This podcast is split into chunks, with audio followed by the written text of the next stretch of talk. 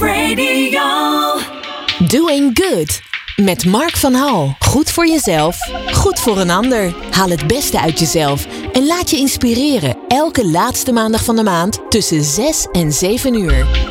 Ja, welkom bij de 29e aflevering van Doing Good op Good Life Radio. Vandaag gaan we het spirituele avontuur aan met Robert Bridgman. Robert is auteur, transformatiecoach, columnist, coachopleider en co-founder van de Bridgman Academy. En je, ja, Robert, je bent al sinds 2008 ben jij een soort van spiritueel avonturier. En we gaan ook het avontuur aan. Welkom. Dankjewel. Ja, Ja. welkom hier in het eh, koude Nederland. Eh, Je bent hier niet zo vaak, maar eh, Nee, zo min mogelijk. zo min mogelijk, ja. Ehm, Robert, ehm, het avontuur gaan we aan. Het spirituele avontuur. Ja.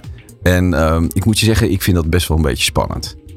En ik weet niet waarom ik het spannend vind, maar ehm, ik denk dat voor mij het woordje spiritueel eh, toch een soort van bepaalde lading heeft. En ehm, hoe, hoe is dat voor jou? Wat, wat zegt het woordje spiritueel jou? Ja, ik denk dat dat een woord is wat heel veel, voor heel veel mensen connotaties heeft. Ehm, voor mij is het een eh, heel normaal woord. Het, het, het, spirit, de bron in jezelf. Het eh, ontwikkelen van, van je kern, van dat wat je in werkelijkheid bent. En dat handen en voeten geven in je dagelijks leven. Meer is het eigenlijk niet. En ik probeer het ook altijd heel erg met beide benen op de grond te houden. En ehm, als, je het, als je het heel simpel eh, wilt uitleggen, dan komt een heel groot deel van wat, je, wat we spiritualiteit noemen neer op ehm, dat we als mens een groter potentieel hebben dan dat we eh, tot uiting brengen in ons leven. Je moet je voorstellen, vlak voordat je, eh, nog, nog vlak voordat je verwekt bent door je ouders, ehm, was je oneindig potentieel. Alles kon. Je was, je was een, het, het, het, het hele universum ehm, in, een, in, een, in, in, in één, zeg maar. En toen kwam, kwam die, die, dat zaadje en dat eitje bij elkaar. En vervolgens werd jij daar gecreëerd. En negen maanden lang groeide je fysiek, emotioneel, mentaal. Ehm, en tijdens die groei heb je eigenlijk maar één ding gedaan.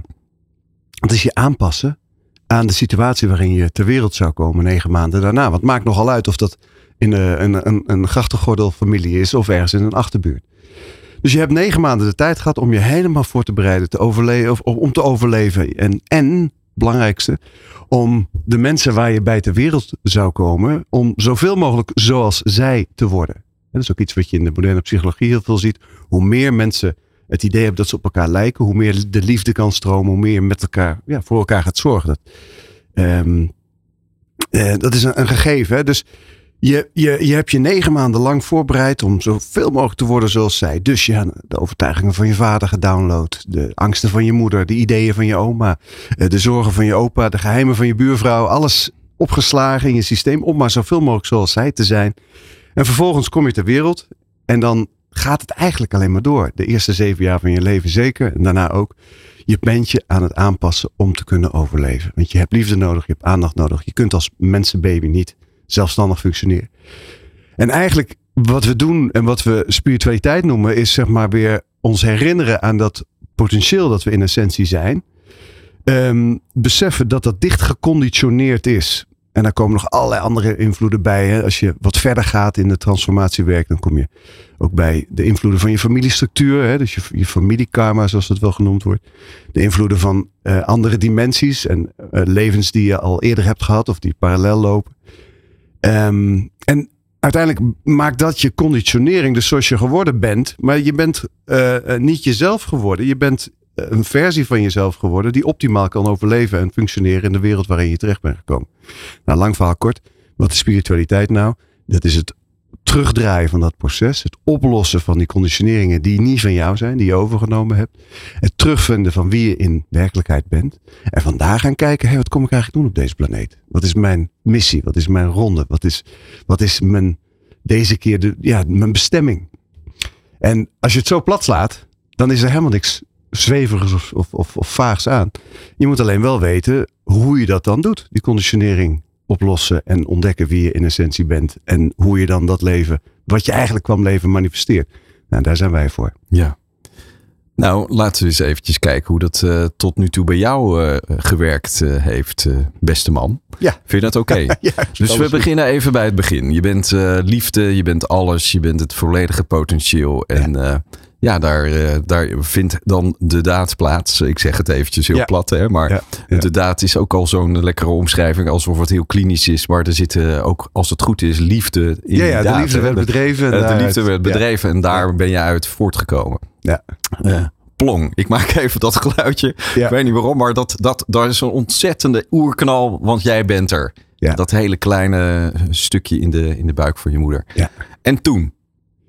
Um, en wat er toen is gebeurd? Ja, wat, wat, vertel eens en neem eens even mee. Nou, die uh, tijd in de baarmoeder, daar heb ik niet zo heel veel uh, levende herinneringen aan. Um, Hé, wat gek nou. Ja, het is heel vreemd. Nou ja, je kunt er wel... Uh, eigenlijk alles wat je ooit hebt meegemaakt kun je naartoe in hypnose. Hè, kun, je, kun je je herinneren.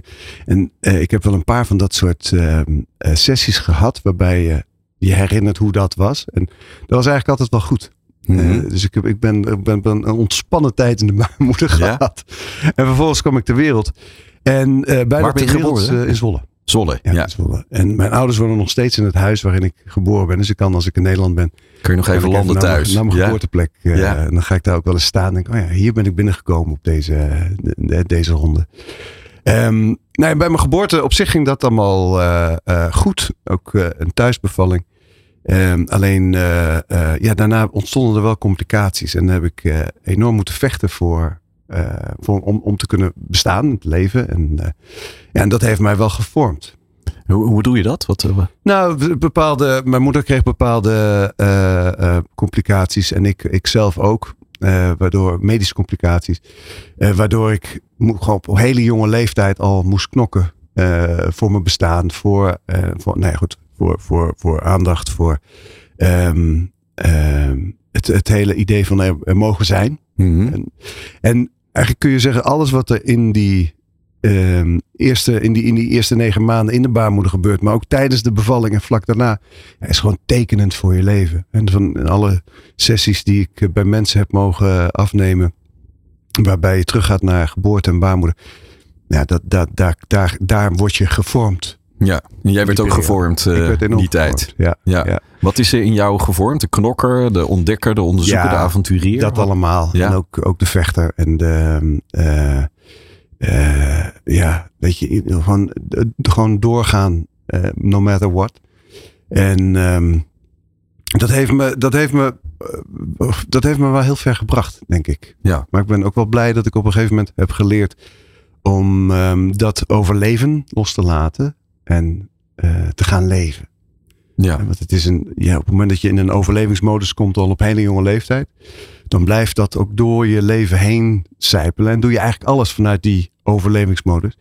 En het is nou eenmaal zo dat het, als je aan het overleven bent, is het gewoon heel lastig om te genieten. Ja. En echt het echt te leven.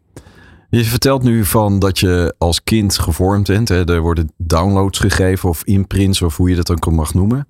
Het verhaal wat we nu gaan doen, hè, ehm, waar, waar we mee bezig zijn, is niet jouw verhaal alleen. Hè? Want ik bedoel, Iedereen. iedereen. Ja. En ehm, jij hebt jouw verhaal, vertel je op verschillende platforms. Je, hebt, je neemt zelf eh, gewoon volgens mij de gelegenheid om het, jouw verhaal zo open mogelijk te vertellen. Ja. Ehm, en ik veronderstel dat je, dat je dat doet om ook aan iedereen te laten zien dat, dat het niet voor jou alleen geldt, maar Ja. dat het ook voor iedereen geldt. Ja. eh, Ja. Maar eh, niet iedereen is er zo bewust van, eh, Nee. zoals jij dat bent, eh, misschien menig ander. Maar zou je vanuit eh, dat stukje wat je zelf hebt meegemaakt, hè, de, de, het avontuur wat je tot nu toe, zou, die eerste fase, eh, je hebt er al iets over gezegd, hè, van die eerste fase is heel erg belangrijk voor wat je de rest van je leven doet. Hè? Maar Ja. daar ben je onbewust mee bezig. Wat, wat, wat, wat zeg maar, ehm, aan de ene kant eh, knokken, maar aan de andere kant levert dat knokken jou ook iets op. Al- als ja, je, absoluut. ja, Ja, absoluut. Alleen het, het, ik- wat het me ehm, vooral opleverde is eh, succes. En wat het me minder opleverde is geluk. En ik denk dat dat voor heel veel mensen telt. Hè, dat je eh, eh, om wat voor reden dan ook een knokker wordt. En dat kan zijn omdat je zoals ik wat fysieke dingen moest overwinnen. Ehm, het kan zijn omdat je, je vader er nooit was en je altijd het gevoel hebt gehad dat je je moest bewijzen naar hem toe. Of je, je moeder, kan natuurlijk ook. Um, het kan zijn dat je uh, omdat een, een, een ouder had die uh, heel onvoorspelbaar was en heel complex was. En dat je daardoor altijd heel erg op je kievieven was en geleerd hebt om mensen te manipuleren. En ook altijd je voelspriet uit hebt van is, is de kust veilig? Um, het kan van alles zijn waardoor je in je vroege jeugd gevormd wordt. En um, ik ben er nu ook een boek over aan het schrijven. Dat, die, um, dat komt in mei uit. Trauma. Met als ondertitel. De hoofdtitel is trauma. En de ondertitel is je bent gek als je het niet hebt. Want we zijn allemaal getraumatiseerd. Er, is, er, is, er bestaat geen mens die geen trauma heeft. Dat kan niet. Dat is onmogelijk. En je kunt kinderen, ik heb er zelfs drie, drie jonge jongens. Je kunt kinderen niet traumavrij opvoeden. Ik heb het echt geprobeerd. Het is onmogelijk. Het is geen garantie traumavrij uh, kind. Dat, uh, nee, dat bestaat niet. gewoon niet. Nee, en het is ook de bedoeling dat je uh, getraumatiseerd wordt. Want trauma is ook aanpassing. Het trauma is loskomen van het hele. en, en een trauma helen betekent ook dat je weer heel wordt. Letterlijk weer één wordt. Dus die trauma's heb je nodig ook om, om jezelf af te splitsen van het geheel. En om deze ervaring als mens met, met, met volle teugen te kunnen leven. En wat is volgens jou een trauma dan? Want uh, het, is, het klinkt best wel dramatisch, hè, het woord trauma. Ja, ja nou, daarom hebben we dat boek ook geschreven. Samen met Christine Pannenbakker, uh, uh, journalist en schrijfster, heb ik dat geschreven. Omdat het mag wel eens wat normaler worden, trauma. Het, wordt, het is net alsof we dan direct over seksueel misbruik of trauma, helikopters of zware ski-ongelukken hebben. Uh, maar dat is helemaal niet zo. We hebben het gewoon over iets wat normaal is. Je, ben, je, hebt, je loopt kleine beschadigingen op um, in de loop van je, uh, van, je, van, je, van je jeugd. En die heb je nodig omdat je je aanpast. Je geeft een deel van jezelf op. En je bent, je moet je voorstellen, je bent, ik zei het al, uh, een, een, een oneindig potentieel. Je bent heel. Je bent pure liefde. En vervolgens word je in een heel klein lichaampje gepropt. Dat en is al een trauma op dat zich. Is al een trauma. En ja. moet je aan gaan passen aan de beperkingen van de mensen waarbij je ter wereld gaat nou, komen. toch op, ja, dat wil je toch helemaal niet. Nee. Waarom kies je, je daar in vredesnaam voor? De goede kant uh, daarvan. Ja, maar dat is, dat is het avontuur. Dat is het avontuur. Is en, leuk? en, als je dat zegt, Robert, ik zie je gewoon wereld, echt. Uh, die, die, die glimlach van jou, die gaat van oor tot oor. Die, ja. Dat avontuur vind je leuk, hè? Dat, ja, ja, maar het leven is ook echt één groot avontuur. En dat heb ik, dat heb ik altijd al gevonden, ook als kind. Dat ik dacht, nou, wat, wat. En ik had ook altijd um, in de loop van mijn jeugd enorme discussies met mensen over dat de werkelijkheid zoals we die beleven, dat dat niet werkelijk is. Maar dat is een, weer een illusie. En ik, ik vond, mensen vonden het heel lastig om me heen. Om, als ik dan dat soort dingen zei. Dan zeiden ze, ja, maar dit is wetenschappelijk aangetoond. En dan, zei ik altijd, ja, maar wetenschap kan ook maar een heel klein deel van de werkelijkheid. Uh, en dus al heel vroeg had, had ik dat idee. Van, nou, het is gewoon een illusie. Het is een spelletje. Het is een, je kunt het ook een hologram noemen. Of een, virtual reality spel. Waar je, um, uh, ja, waar, je, waar je zeg maar vanuit je zielsbewustzijn ingestapt bent. Ja. En dat spel, dat mag je spelen. En daar speel je rollen oh, in. Oh, wacht even. Wat, dus jij uh, had dat bewustzijn, of je wist dat, uh, dat, we, dat het gewoon een spel is. En ging je aan de mensen die in het spel zitten, ging je vertellen dat het een spel is. Ja, ja dus, dat is irritant. Dat, dat, dat klinkt natuurlijk wel heel mooi. Ik heb daar ook wel onder geleden. Ja. Dus ik heb ook wel echt periodes gehad van enorme somberheid. Omdat niemand, niemand snapte mij en wat Nee. ik bedoelde. En die discussies waren niet per se altijd leuk natuurlijk. Maar, jij wist dat het zo, zo is, uh, tenminste ja, voor jouzelf. Heel helder, ja. Ja. ja. dat het allemaal niet, uh, niet, uh, niet, niet helemaal klopte. En um, later heb ik geleerd hoe je zo'n overleefstand kunt loslaten. Hoe je je trauma's, want het begon natuurlijk bij mezelf. Ja. Hoe kom ik nou van, hoe kom ik hier vanaf? Ik heb allerlei angsten, ik heb zorgen, um, ik heb verslavingen, ik heb, ik heb allerlei dingen die ik, die ik helemaal niet wil. Ik doe dingen die niet goed voor me zijn en de dingen die goed voor me zijn, die krijg ik niet voor elkaar. Hoe kan dat? En daar ben ik in gaan duiken om te onderzoeken hoe zit dat nou? En dat, is in, dat avontuur is in 2008 begonnen. En uh, dat is een enorme reis geweest waarin ik de hele wereld over ben geweest. Een paar jaar in Azië heb, heb gewoond. En bij allerlei, eerst bij allerlei traditionele uh, healers en, en, en transformateurs en teachers ben, uh, in de leer ben gegaan. Um, en vervolgens ook het wetenschappelijk pad ben gaan bewandelen. Uh, bij Stanford University allerlei colleges gevolgd over brein, zenuwstelsel. Bij Wim Hof een jaartje meegedraaid. Toen hij helemaal in het begin de Kilimanjaro nog op geweest met hem. En um, um, ja, in allerlei meditatiecentra en bij allerlei energiehealers en regressie- en reïncarnatietherapeuten. En dat, heeft, dat duurt nog steeds. Want dat proces gaat, dat gaat gewoon door. Ik blijf leren en ik blijf ook uh, ja, bijna elke dag aan, aan mezelf aan het werken. En um, toen dat. Ja, toen, toen, toen, dat, toen, toen, die omslag, toen ik die omslag begon te maken en ontdekte hoeveel vrijheid daarin zit. En dat je daadwerkelijk dat los kunt laten en terug kunt gaan naar wie je in werkelijkheid bent. Ja, dat gaf zo'n ruimte en zo'n. En toen dacht ik, ja, wat, wat moet ik hier nou mee? Hè? Dat, dat, dit nu. Weet het, was in Nepal in 2009 of zo. Uh, ik zat in een klooster in een boeddhistisch meditatieklooster. En ik had twee keuzes. Ik had mijn vrouw net ontmoet, mijn, eh, Monique. En ik had twee keuzes. Of ik blijf hier en ik raak verlicht. En ik blijf hier de rest van mijn leven in dit klooster zitten. Of ik ga terug de wereld in. Maar ja, wat ga ik dan doen? En toen dacht ik, nou ja, eigenlijk is het enige zinvolle wat ik kan doen. Ik heb altijd, ik heb, eh, ik heb in mijn carrière altijd heel veel geld verdiend. En ook andere mensen uh, geholpen om veel geld te verdienen. En toen dacht ik, maar dat, is, dat ga ik niet meer doen. Het enige zinvolle wat ik kan doen is andere mensen helpen.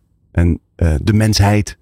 Uh, kijken wat ik daar voor steentje kan bijdragen. Ik heb niet de illusie dat ik de mensheid hoef te redden. Of de, maar ik kan wel mijn kleine steentje bijdragen aan het geheel. En dat ben ik vanaf dat moment gaan doen. Klinkt als een stairway to heaven. Mooi.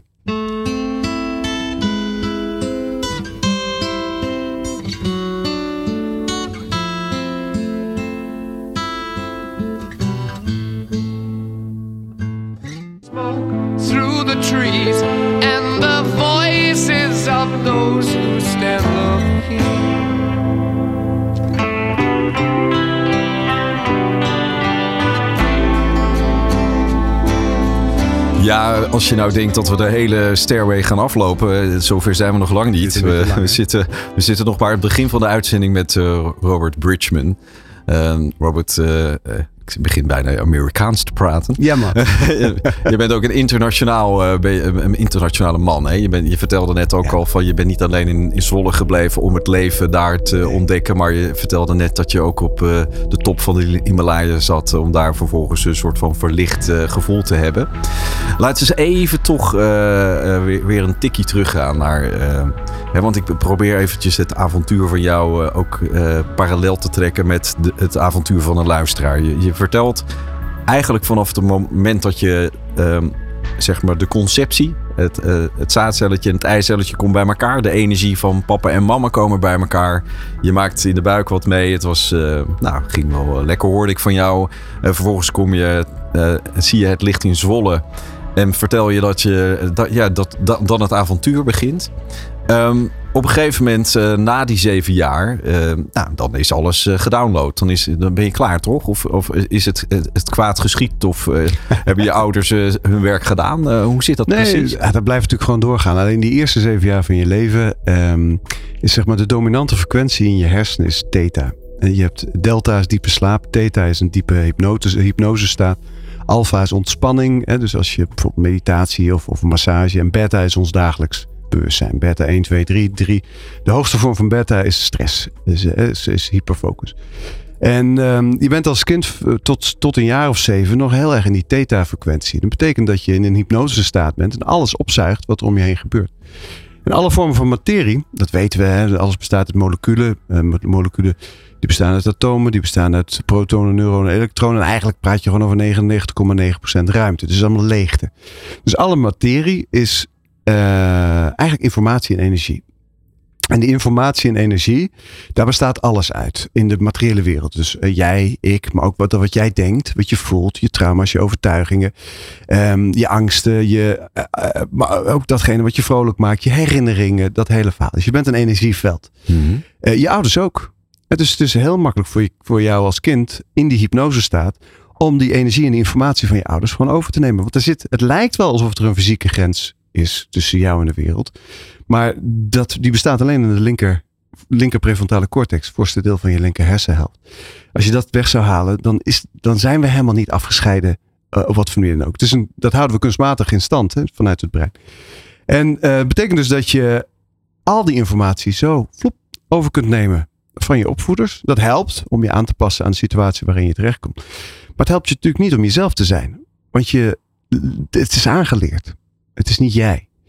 En het grappige is dat ook voor ouders, ik, ik ben er zelf ook eentje natuurlijk, we zitten vaak met allerlei conflicten, loyaliteitsconflicten naar onze ouders toe. Van hoezo ik ben getraumatiseerd. Ik heb toch een goede jeugd gehad. Ze hebben toch goed voor me gezorgd. Ik heb toch alles gekregen wat mijn hartje begeerde. En ze, hè, ik, had, nou ja, um, dat moet je loslaten. Want ouders, en ik zeg het nogmaals, ik ben er zelf ook een. Ouders zijn eigenlijk gewoon goedbedoelende amateurs. We doen ons best, maar we hebben geen idee waar we mee bezig zijn. En wat op lange termijn de effecten zijn van wat we doen. En voor 80% herhalen we gewoon wat onze ouders bij ons deden. Of doen het tegenovergestelde daarvan. Gewoon geruststellende uh, gedachte. Wat je, als je dus hebben goed bedoelende amateurs. Lekker hè? Maar we doen af en toe dat we alsof we pro's zijn. Alsof we het moeten weten alsof ook. moeten het weten, ja. Vooral naar de kinderen toe. Precies. En alsof er iemand is die het lange termijn effect echt weet. Er zijn heel veel mensen die er advies over kunnen geven. Maar weet je echt dat het lang. Wat, wat als je op tienjarige leeftijd iets met een kind gebeurt. Wat het effect dan is of als hij 50 of 60 is. Dat weet niemand. Dat kun je ook wetenschappelijk niet onderzoeken. Dat is onmogelijk. Je kunt die draden wel energetisch volgen. Dat is een ander verhaal. Daar komen we misschien zo meteen nog op. Maar niemand weet wat de effecten zijn. Dus we zijn allemaal goed bedoelende amateurs. We doen ons best, maar we maken fouten. En we geven al het niet verwerkte in onszelf door aan onze kinderen. En dat gaat van generatie in. De, de oorspronkelijke volken. Ik heb heel veel met oorspronkelijke volken, natuurvolken, indianenvolken. Um, die hebben het over uh, zeven generaties. Hè? Dus dat je de, zeg maar, genetisch belast bent met de zeven generaties voor je in je DNA en de zeven generaties na je. Het is wel bijzonder. DNA is natuurlijk ook iets, iets heel bijzonders. Hè? We hebben 98,5% van ons DNA nog niet ontdekt waar het voor is. Wordt junk DNA. 98,5% wordt junk DNA genoemd. Nou, weten we niet wat. Gebruiken we niet. Dat is natuurlijk onzin gebruiken we heel erg. Uh, alleen we weten nog niet hoe. En uh, dat is de, opslag van die informatie en, uh, um, en energie. En dat heeft een fysiek deel, DNA, maar ook een emotioneel, een mentaal en een spiritueel deel. En dat DNA, daar, daarin wordt, daarin ja, codeer je als het ware. Daar, dat is een, een plastisch iets. Hè? Dat is continu in beweging. En je bent continu bezig om je DNA aan te passen aan de situatie waarin je bent of gaat komen. Nou, en het mooie daarvan is dat je, als je je realiseert dat je ouders fouten hebben gemaakt. Met al hun goede bedoelingen. Dat je zelf als ouder fouten maakt met al je goede, goede bedoelingen. En dat je dus via je DNA energetisch, generatie op generatie, eigenlijk de, de, de, de ballast doorgeeft. Dan realiseer je ook, wacht eens eventjes, het is niet mijn schuld dat ik dat doe. En dat dat gebeurt, maar wel mijn verantwoordelijkheid. Want als ik degene ben die nu het ballast van de generaties voor mij doorgeeft aan de generaties na mij, dan moet, moet ik dus stoppen en zorgen dat de ballast in mij geheeld wordt. Dan kan ik het niet meer doorgeven. Dat is jouw verantwoordelijkheid, als je dat weet. Dat is verantwoordelijkheid van ieder mens. Ja. ja. En als je het niet doet, dan geef je het door. En dan gaan de, heeft de volgende generatie er weer mee te maken. En dat is, dat zit wel, daar zit wel een stukje schuld op dan, of niet? Als je het wel of niet doet. Nou ja, je grootmoeder werd, uh, of je overgrootoma, of die, laten we je bedovergrootoma noemen. Die, uh, die werd verkracht door uh, de man waarbij ze in huis schoonmaakte. Noem maar wat, hè. Of um, door de pastoor. Ook iets wat heel, heel veel gebeurd is. Of door de, de, de kruidenier en die mocht daar niet over praten. Die hield dat als geheim. Maar vervolgens sloeg ze dat wel op in haar lichaam, in haar DNA, in haar. En, en gaf dat geheim door. Waardoor haar dochter, jouw oma, uh, een soort rigide werd in, in seksualiteit. En een soort angst had. En oeh, heel preuts en heel voorzichtig. Die gaf dat door aan jouw moeder, die daardoor een, een omslag maakt. En eigenlijk een soort breakout, een tegenovergesteld, wat kan ook, reactie kreeg. En in haar jeugd met Jan allemaal naar bed ging. En totdat ze je vader tegenkwam, noem maar even wat. Hè? Misschien daarna ook nog wel. Ja. En uh, vervolgens krijg jij die ballast. Dus je hebt te dealen met uh, de, de, de, de, losbandigheid van je moeder, de preutsheid van je oma en de pijn van je overgrootoma. En al die stukken heb jij te healen in, en te, te helen in het hier en nu. Ja. Wow.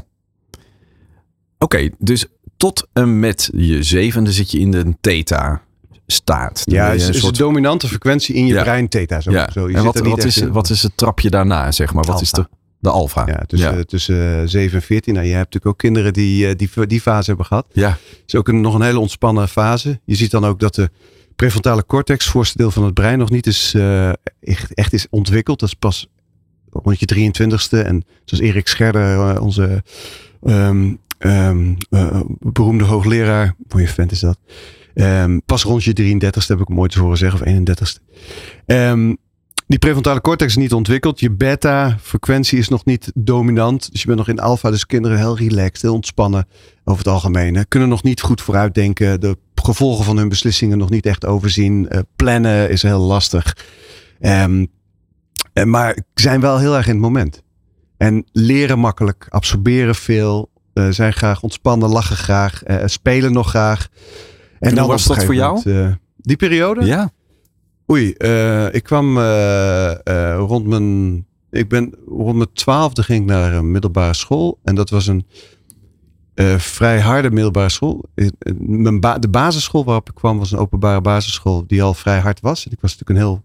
Ik was een heel naïef, creatief jongetje. En um, daar kreeg ik de eerste klappen. En dan ga je jezelf nog meer beschermen. En, uh, of ging ik mezelf nog meer beschermen, moet ik zeggen.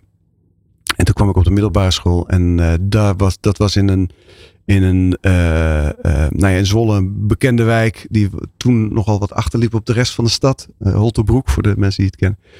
En daar werd het, werd het eigenlijk alleen maar heftiger. En moest ik nog meer overleven. En kwam ik ook met allerlei mensen in aanraking die, die ik heel spannend vond. Die ook bij mijn avontuurszin aansloten. Maar natuurlijk allerlei dingen deden die, uh, die niet, die niet ehm, hoe zeg je dat? Die, die niet zo netjes waren.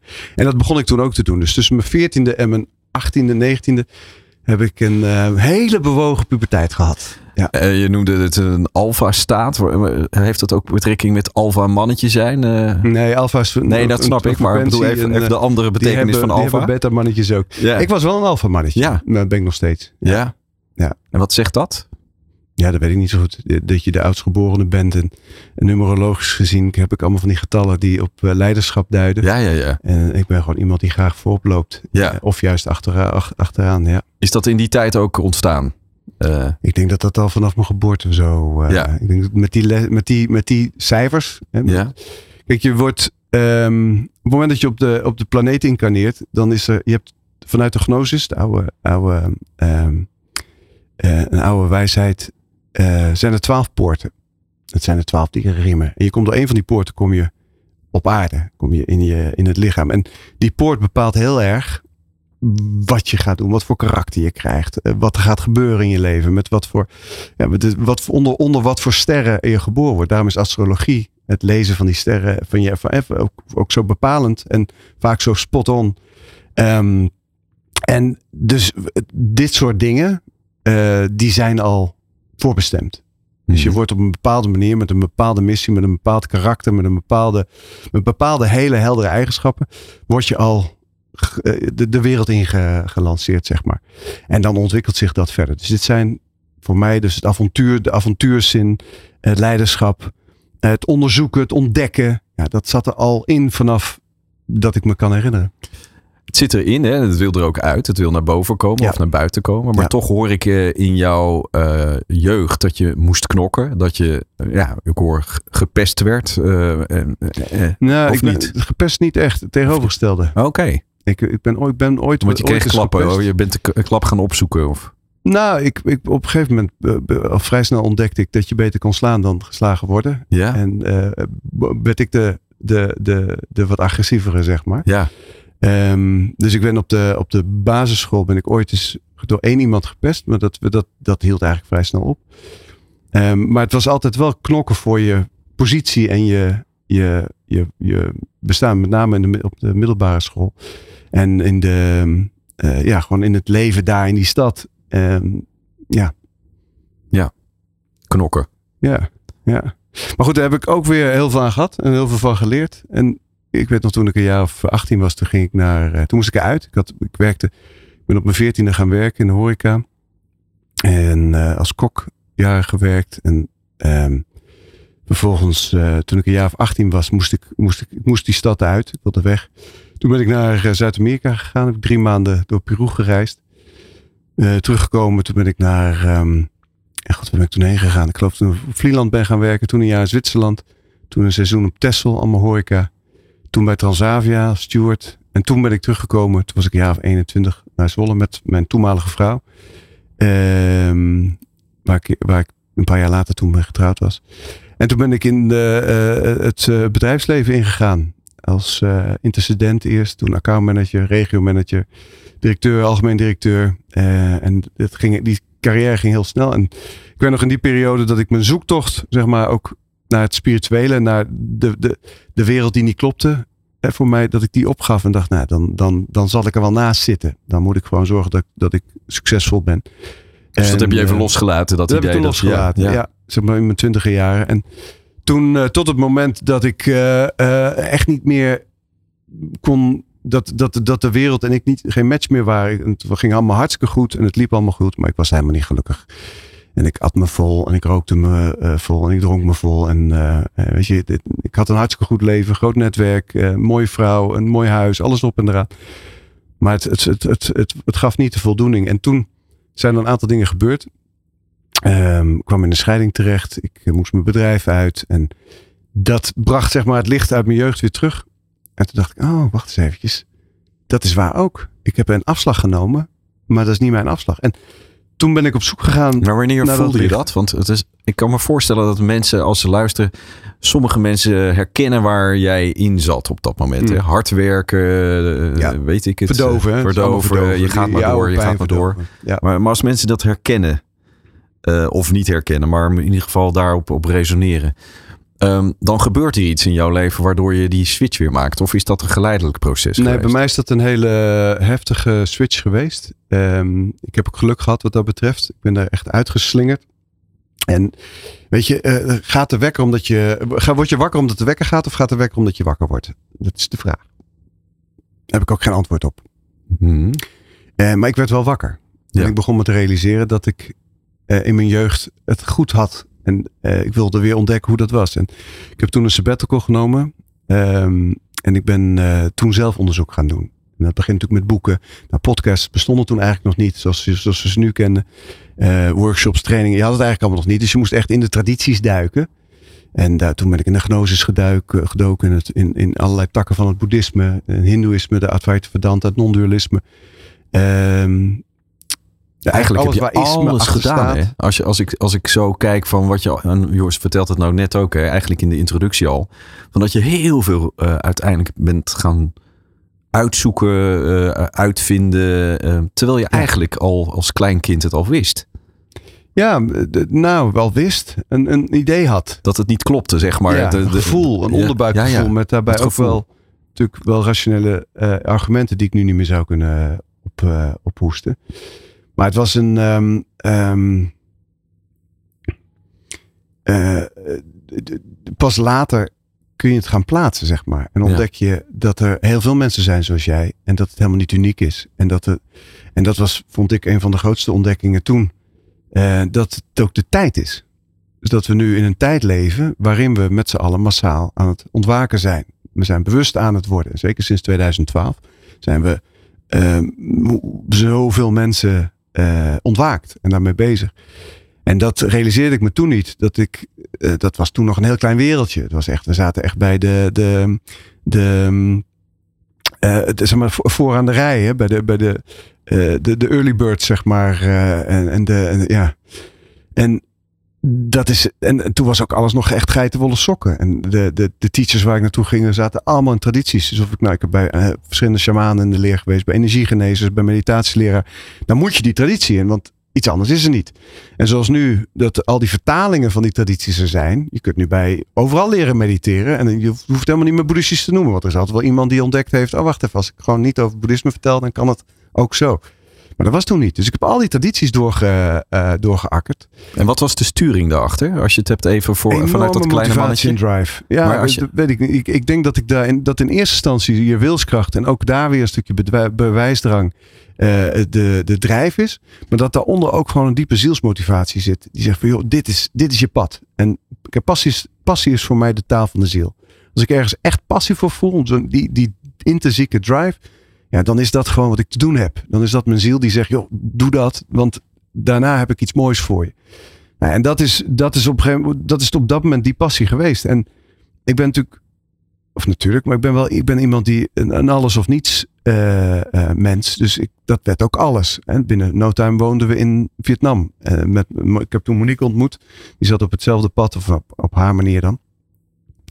En na anderhalf jaar, ik, was, ik heb toen nog als interim directeur voor een branchevereniging gewerkt. Op het laatst. En toen ehm, ja, zijn we samen naar Vietnam gegaan. En hebben we twee jaar in Azië gewoond. Waanzinnig. Zo ontzettend veel geleerd. En kunnen doen en onderzoeken. En toen kwamen we terug in 2012 in Nederland met onze oudste. En, en ja, het proces is eigenlijk gewoon doorgegaan en nooit meer, nooit meer gestopt. En op een gegeven moment valt het bewijs en het gezien willen worden en de erkenning uh, valt steeds verder weg. En want dat is in het begin natuurlijk heel erg sterk je drijfveer. Kijk mij, zie mij. En um, uh, dan kom je naarmate je meer van die oude stukken gaat loslaten. Van je vader, van je moeder, van je voorouders. Uit je vorige levens, uit je jeugd. Het, het, al het trauma gaat. En ik ben nog lang niet klaar. Het is work in process. Er is nog ontzettend veel te doen. Maar er is al wel heel veel weg. En uh, dan kom je op een gegeven moment op een punt dat je uh, de werkelijkheid weer gaat zien zoals die is. En dan kom je op een punt dat je, um, dat je, dat je de avontuur echt kunt omarmen voluit kunt leven, de magie van het leven kunt ervaren. En ook dat wat je wil kunt manifesteren. En dan ontdek je, tenminste dat was voor mij een hele grote ontdekking. Bijvoorbeeld als je het over erkenning hebt, dat erkenning is er een overvloed. Alles is er. Dus geld, liefde, erkenning, succes, alles wat je wil is in overvloed aanwezig. En de enige reden waarom je het niet in je leven um, ervaart, is omdat jij de filter bent, waardoor die overvloed zich in jouw leven vertaalt. En dat was, dat was vond ik zo'n eye-opener. En de, dat is vanaf dat moment het leven geweest. Dus het leven voor mij is één grote stroom van magie en overvloed op dit moment. Dus heb het leven lief. En zo is het. Ik ging vogelvlucht door de blauwe lucht. Heb het leven lief.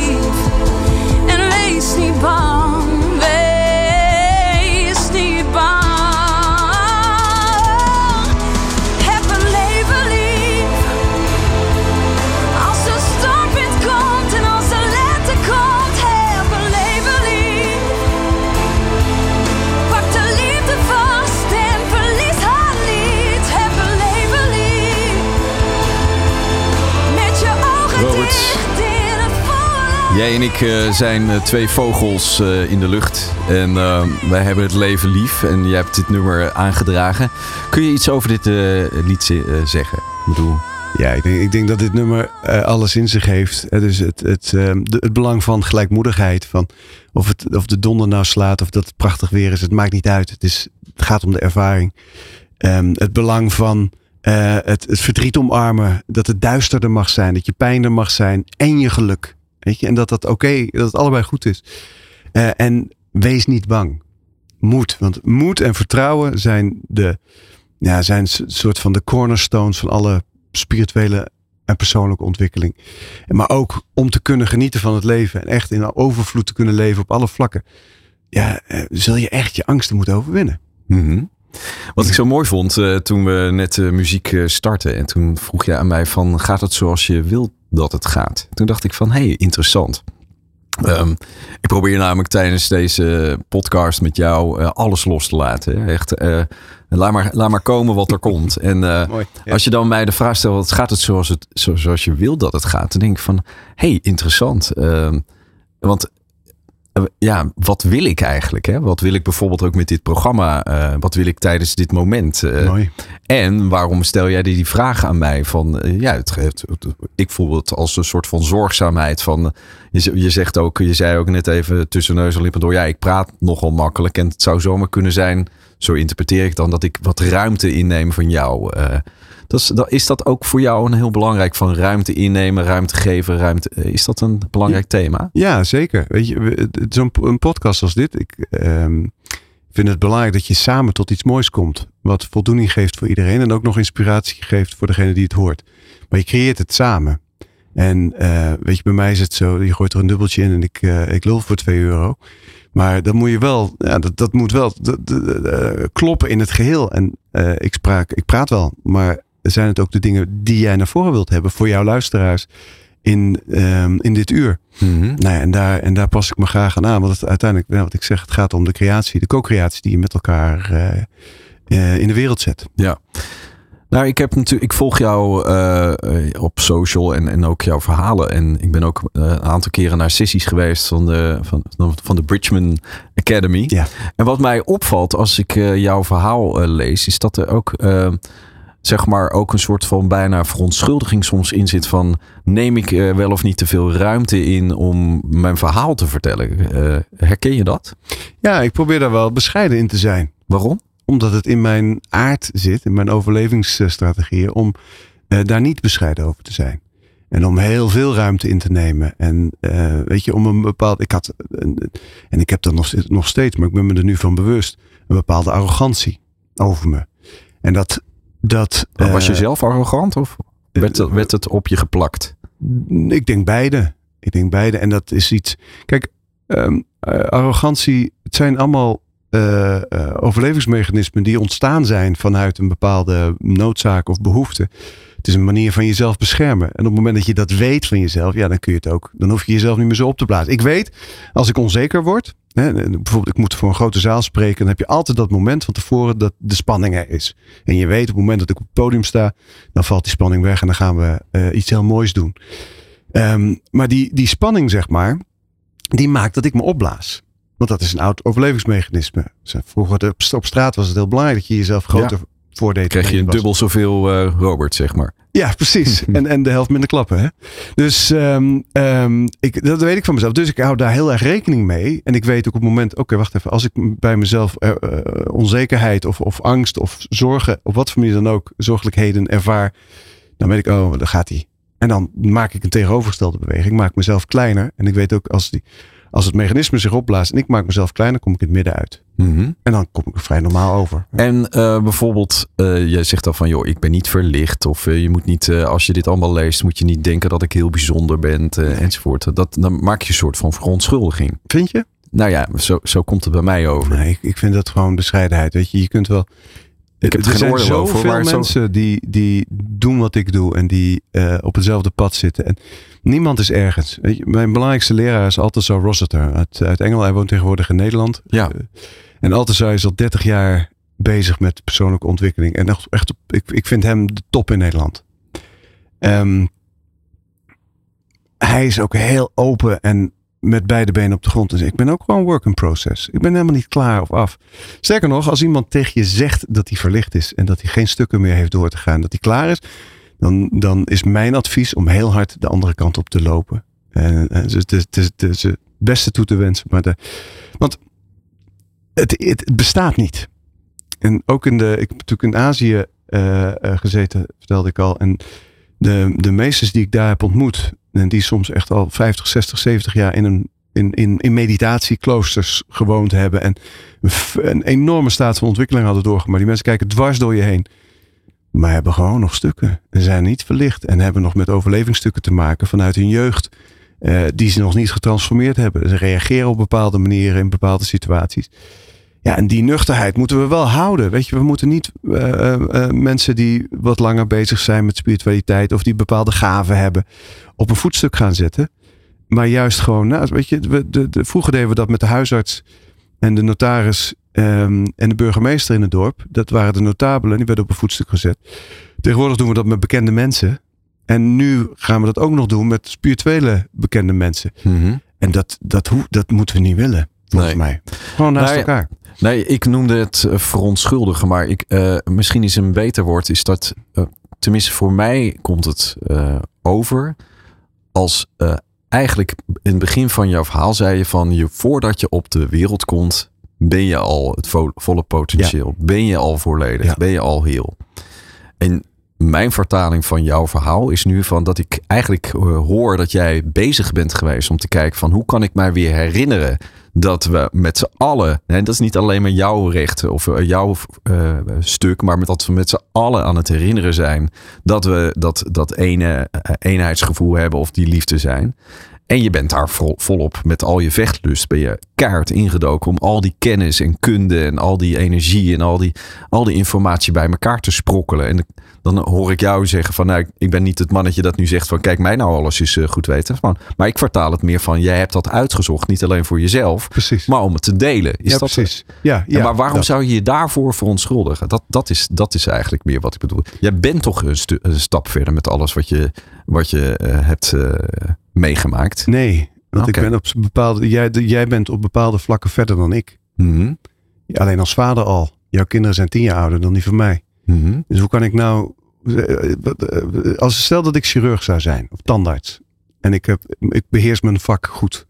Zou je dan zeggen, ja, maar je bent op tandheelkundig vlak al verder dan ik, dus je bent al verder. Nee, ik ben, maar ik op ben dat een, stuk. een bepaald stukje. Ja, precies. Heb dat ik is mezelf wat ontwikkeld. Ja, Maar dat zegt niks over eh, ver- ver- verder zijn. En dat is ook de. de ehm, misschien dat. Ik vind het wel heel, een heel mooie vraag die je stelt. Hè? En heel, heel interessant om het als, als je het als verontschuldiging leest. Maar ik, ik vind het meer een soort van disclaimer dat we. Het, er is zoveel. ehm, als je in mijn vak zit, dan word je heel veel toegedicht. Want dan, dan zul je ook wel zo reageren en dan zul je ook wel zo zijn en dat snappen. En weet je, dat je ergens bent. En dat probeer ik juist heel erg te ontzenuwen en het demystificeren.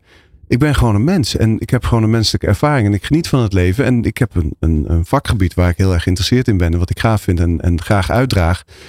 Ehm, en verder loop ik tegen precies dezelfde dingen aan als iedereen. En dat wil ik ook graag, want dat maakt het leven zo'n mooi avontuur. ja.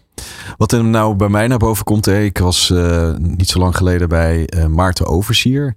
En eh, Ja. die, eh, die vertelt dat, eh, dat er eigenlijk twee grote trauma's in, in de samenleving spelen op dit moment. De invloed van de kerk En de oorlog. en de oorlog. Nou, ehm, kan ik me ook iets voorstellen als jij zeg maar bezig bent op dit terrein, gaat het over zingeving. Wat voor zin heeft mijn leven? Welke energie zit erachter? En er zullen ongetwijfeld mensen die, die zijn die zeggen van ja, ik leef mijn leven, maar ik heb wel Robert nodig of Janos nodig of eh, Maarten nodig om eh, externe bevestiging te krijgen dat ik goed op de goede weg ben. Maar dan zitten we eigenlijk weer in dat oude stuk van de re- religie of van de kerk. Dat de kerk vertelt hoe je leven Precies. Is dat we- nou jouw we- stuk? Dat, dat je dat niet wil? Dat moeten we voorkomen. Ja. Ja. En, eh, en ik, Maarten noem je. En Maarten, ik ben een tijd heel intensief met hem opgetrokken. Eh goeie kerel. Die het ook echt.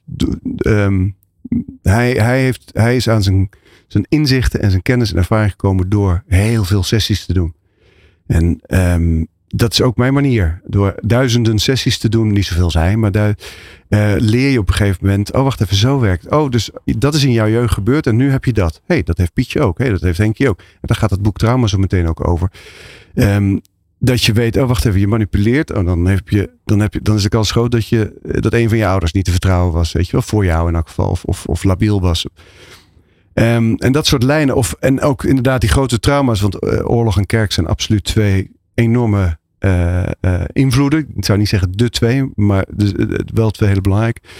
Ehm, dus het is heel fijn dat er mensen zijn zoals Maarten die dat dan ontdekken en, en uit en die dat dan delen vervolgens. Maar dat betekent niet dat we Maarten nu op een voetstuk moeten zetten en dan moeten gaan aanbidden omdat hij eh, iets weet wat wij niet weten. Nee, dat is oud. Dat is het oude stuk. Dat is het eh, oude stuk. Dat En- moeten we niet meer doen. Nee, en, en eh, ik denk wat, dat we, we zijn terug aan het gaan naar een tijd, voor mijn gevoel, ehm, een tijd waarin we eh, eh, 3000 jaar geleden, het was een, hadden we een tijd waarin bijvoorbeeld hier in, in Keltische en Germaanse stammen, ehm, eh, ja, die, die trokken hier rond zoals de Indianen in Amerika tijdens de kolonisatie. Hè? Dus die hadden ook typisch, eh, hier in Europa waren, was het een heel ander eh, hele andere wereld met stammen en dus ook met heel veel meer spiritualiteit. Alles had een ziel. Mensen waren bezig met genezing, met heling. Je had druïden, je had priesteressen, je had zieners, en kruidenvrouwen,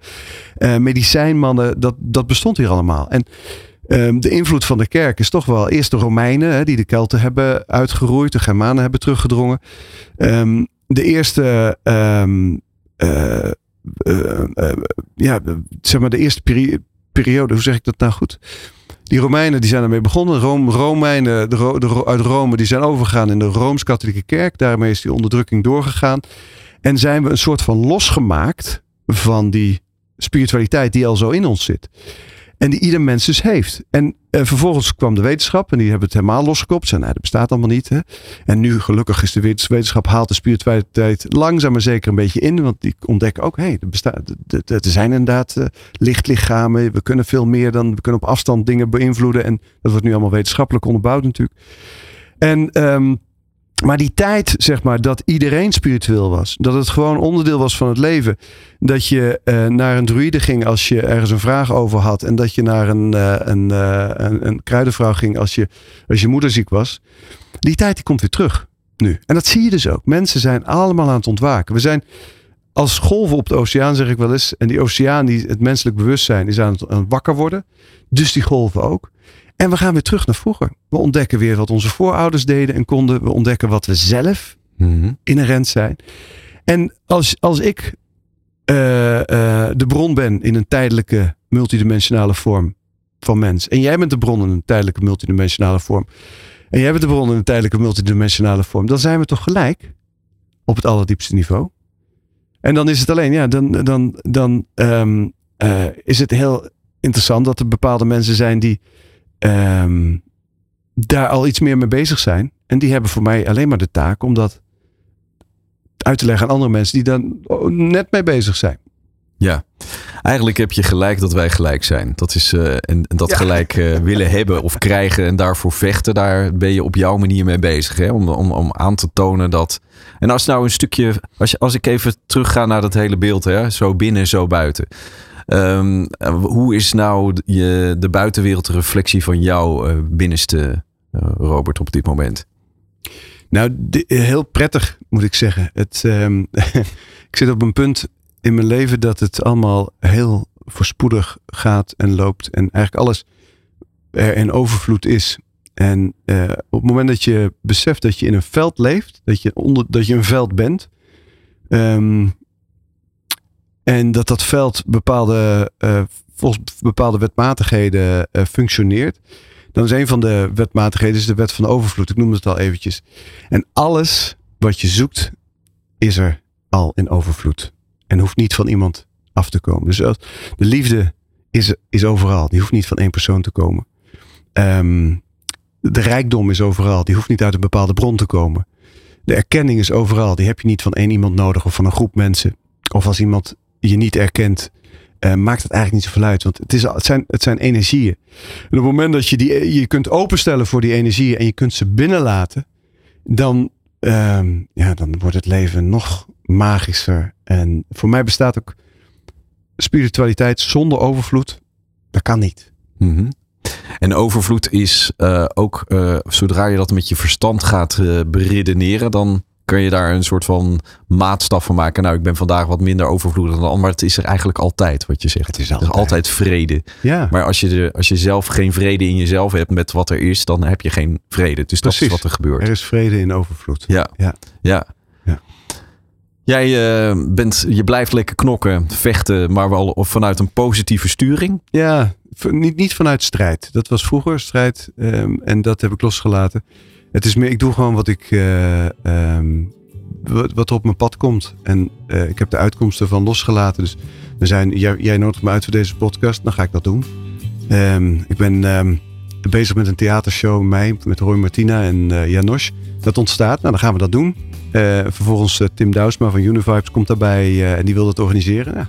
Dat leuk, dan gaan we dat doen. En het, het lukt ook allemaal. En we zijn natuurlijk bezig ons, ons ik woon in Zuid-Frankrijk, ons centrum daar te verkopen. Um, en dat gaat ook allemaal smooth. We gaan weer ergens anders wonen. Het avontuur gaat weer door. Er komen een paar nieuwe boeken aan. Het, het loopt allemaal. We zijn thuis gelukkig en blij.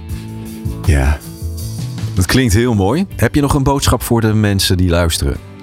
Nou, dat denk ik het allerbelangrijkste is om um, terug te gaan naar wie jij in essentie bent. En te beseffen dat jouw authenticiteit leading mag zijn.